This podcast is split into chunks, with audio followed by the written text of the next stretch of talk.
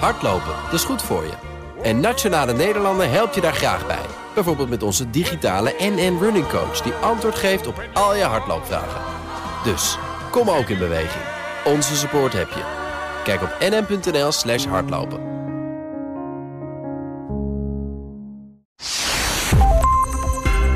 This is the most corrupt and cronyistic in um, you know in in perhaps all of recent history. Dit is de Fact News podcast. Leuk dat je luistert. Half februari van dit jaar werd Roger Stone veroordeeld tot 40 maanden cel. En op 11 juli werd hij door president Trump commuted, zoals het dan heet, naar geen jailtime. Hij hoefde zijn straf niet uit te zitten. En deze aflevering wilde ik kijken naar wat van de uitspraken rondom de commutation van Roger Stone. En het gaat dan om quotes zoals je net hoorde. Corrupt and cronyistic. De meest corrupte en vriendjespolitiek-achtige daad van de geschiedenis. En dit is niet iets wat presidenten doen, totdat we Trump hadden. Dit muziekje maakt het wel extra zwaar, hè? Misschien is het tijd voor iets luchtigers. Zo, dat is beter. En zo is er ook bijvoorbeeld een uitspraak waar staat... deze zaak is niet zo controversieel als je zou denken. Deze uitspraken waren te horen op CNN... wat wel een redelijk links-democratische zender is. Maar goed, ik ga dus kijken naar hoeveel corrupter... of hoeveel minder corrupt is de act van Trump... en hoe controversieel is dit nou precies in de geschiedenis van andere graties... Thank you, Mr. President. Uh, thank you for giving me the offer. Thank you for saving my life. The president has said on numerous occasions that he thought there was a good chance I could be exonerated. Um, I agree with that. Uh, but this, this is a this is a horrific nightmare. Even kort de achtergrond voor mensen die het misschien maar half of helemaal niet gevolgd hebben. Roger Stone is een republikeinse lobbyist en campagneadviseur van campagnes van Richard Nixon, Ronald Reagan, Bob Dole en Donald Trump. Daarnaast is het ook een goede vriend van Trump, die elkaar al heel erg lang kennen. Uh, I met him in 1979 when I was sent to New York to organize the Reagan campaign. En Roger Stone, die overigens een tatoeage van Richard Nixon op zijn rug heeft zitten, is schuldig bevonden aan het liegen tegen Congress, het beïnvloeden en bedreigen van getuigen en het tegenwerken van een officieel onderzoek naar de samenzwering tussen Rusland en de Trump-campagne. De rechter vond het bewezen dat Stone schuldig was en gaf hem 40 maanden gevangenisstraf. Stone en Trump waren het daar, ja, misschien niet heel verrassend, niet mee eens. Ze vonden de rechtsgang niet eerlijk en riepen maandenlang dat ze een new trial wilden, een fair trial. Why should he get a new trial? Because of uh, he didn't get a fair one. Because the foreperson of the jury, when asked, "Do you have any prejudice against this defendant?" said no.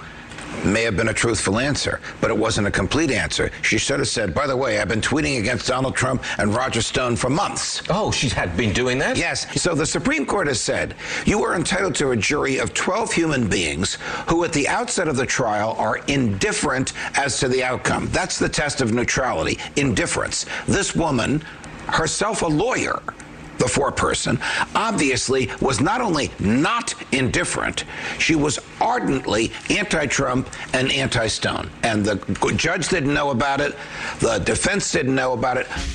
Nu moet er gezegd worden dat Trump en Rose ergens wel een klein beetje een punt hebben als je zaak behandeld wordt door een voorzitter van een jury die zich op Twitter actief tegen je uitlaat, is dat hoe dan ook niet oké.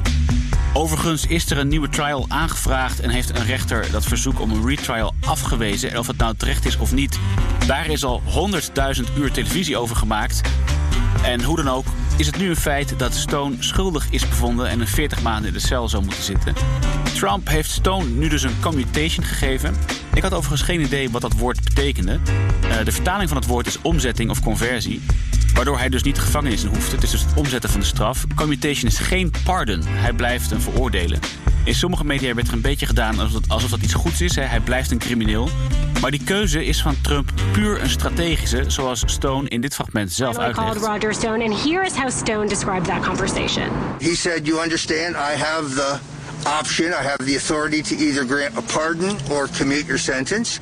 He says, "You should understand that a pardon would be fi- would be final." Uh, and that in accepting a, a, a pardon, you are exceptionally uh, accepting guilt. And I would rather see you uh, fight this out, which is why I'm commuting your sentence. En dan nog even het verschil. Er zijn vijf dingen die een president kan doen. Reprieve, een pardon, een amnestie, een remission of een commutation. Pardon is meestal nadat iemand zijn straf heeft uitgezeten. En dat betekent dat iemand is vergeven, zoals het woord al zegt, vergeven voor zijn daden. Maar daarmee beken je dus ook min of meer schuld. Als je, als je een vergeving accepteert, dan geef je eigenlijk ook meteen toe dat je iets inderdaad gedaan hebt. Dus er zijn mensen door de, in de geschiedenis die een pardon hebben gekregen en die hebben afgewezen, want daarmee bekenden ze dan schuld. Een commutation is dus alleen het wijzigen van de straf. Je blijft dus schuldig, maar er is ook nog de mogelijkheid om een strafblad op te schonen, een expungement. Maar goed, terug naar onze factcheck. De meest corrupte en vriendjespolitiek-achtige daad in de geschiedenis en ook bijvoorbeeld deze quote. This is something that's just simply not done by American presidents. They don't pardon or commute sentences of people who are close to them, who are about to go to prison. It just does not happen until this president. En dus, dit is niet zo controversieel als je denkt. Om feitelijk te kijken wat er qua foute graties allemaal in de geschiedenis zit. Want ik hou het even bij graties en niet bij gewoon corrupte dingen in het algemeen. Gaan we naar andere gratiezaken in de geschiedenis van de USA. Elke president geeft over het algemeen mensen gratie. De meeste presidenten zo'n beetje tussen de 300 tot 400 mensen per, uh, per presidentszitting, zal ik maar zeggen. Obama en George W. Bush trouwens maar iets van 70 mensen. En in de geschiedenis zitten een aantal verbazingwekkende zaken, zoals die bijvoorbeeld van George Wilson, een treinrover en bankovervaller in 1829, die dankzij machtige vrienden in de White House een pardon kreeg voor zijn doodstraf-sentence en na een pardon nog maar 20 jaar vast zou zitten voor andere overtredingen. Overigens weigerde Wilson de pardon en is uiteindelijk gewoon verhangen. Richard Nixon is een hele bekende uit de geschiedenis die moest aftreden voor zijn rol in het Watergate-scandal, waarbij Richard Nixon overduidelijk schuldig was aan een aantal zware vergrijpen. Door zijn opvolger, president Gerald Ford, werd hij gepardond een maand nadat hij aftrad. En volgens een New York Times-artikel uit 2006 heeft Ford op zijn sterfbed gezegd dat hij Nixon dat pardon heeft gegeven vanwege zijn goede vriendschap met Nixon. En dan komen we al vrij snel bij het begin van de jaren 90 bij Bill Clinton.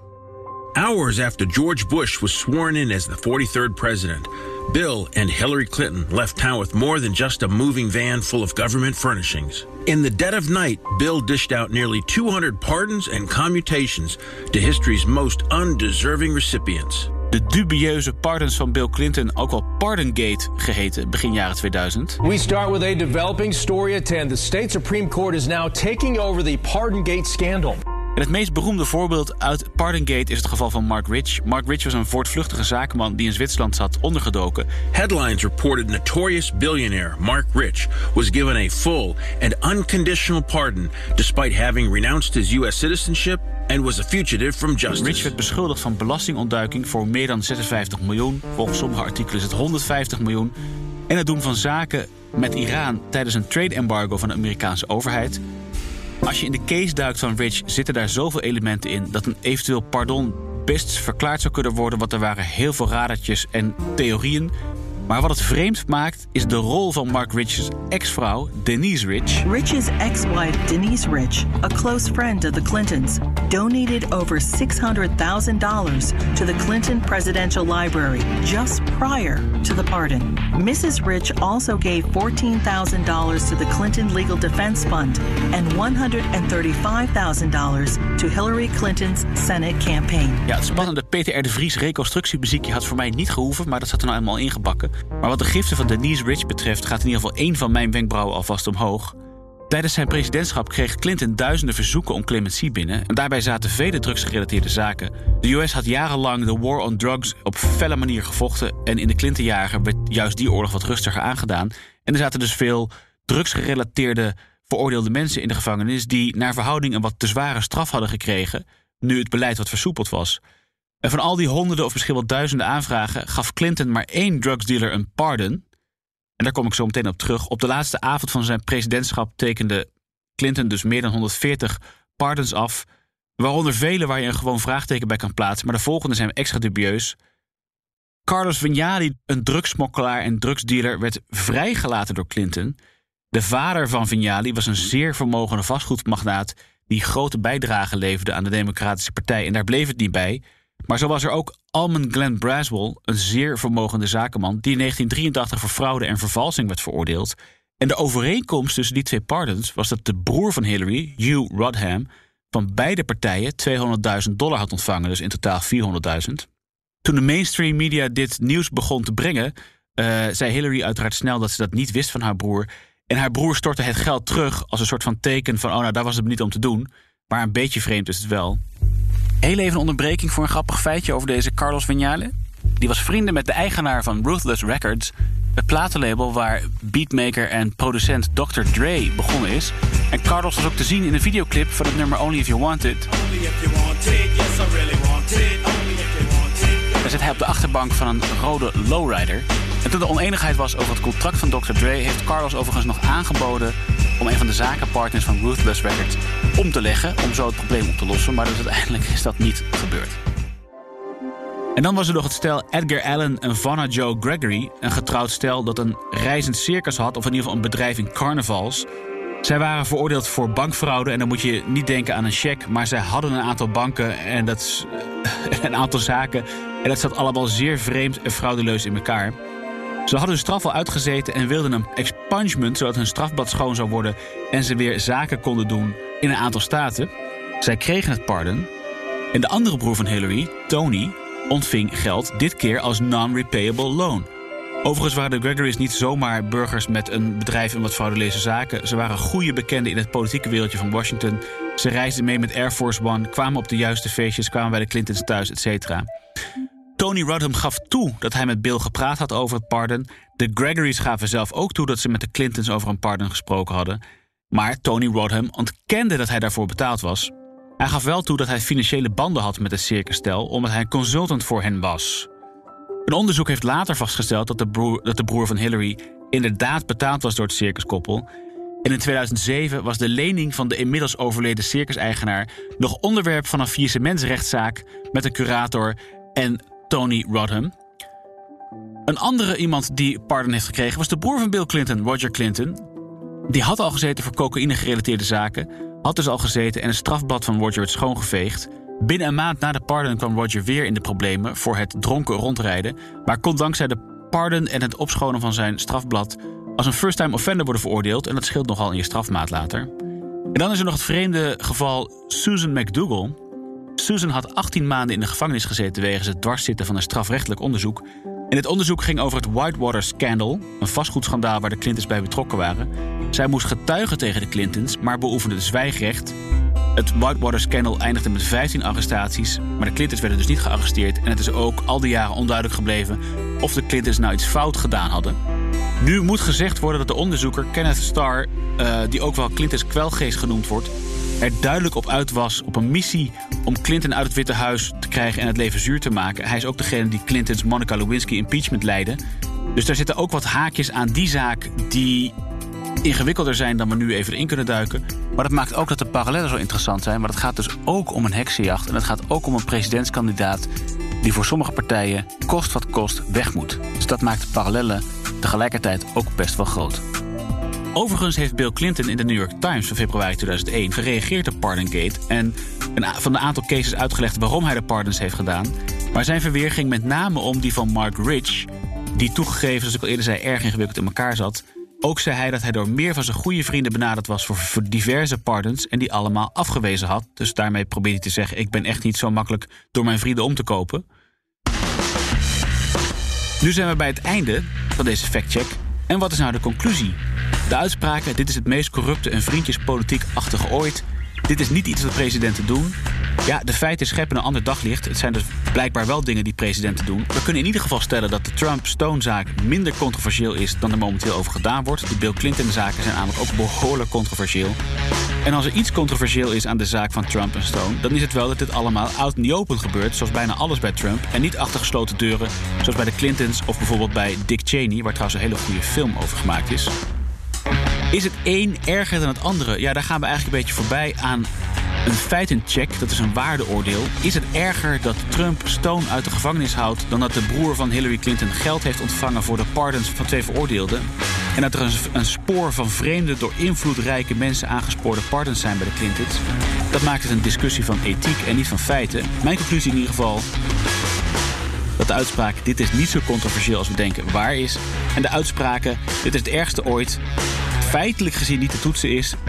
Maar in ieder geval niet geheel onwaar, maar ook niet helemaal waar. Uh, het is in ieder geval op de schaal van kosher is het allemaal niet zo vreselijk kosher.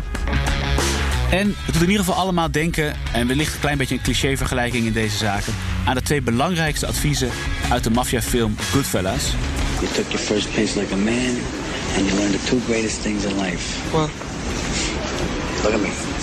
Never rat on your friends, and always keep your mouth shut. Dit was de Fact podcast. Heel veel dank voor het luisteren. Business Booster. Hey ondernemer, KPN heeft nu Business Boosters. Deals die jouw bedrijf echt vooruit helpen. Zoals nu, zakelijk tv en internet, inclusief narrowcasting... de eerste 9 maanden voor maar 30 euro per maand. Beleef het EK samen met je klanten in de hoogste kwaliteit. Kijk op kpn.com businessbooster. Business Booster.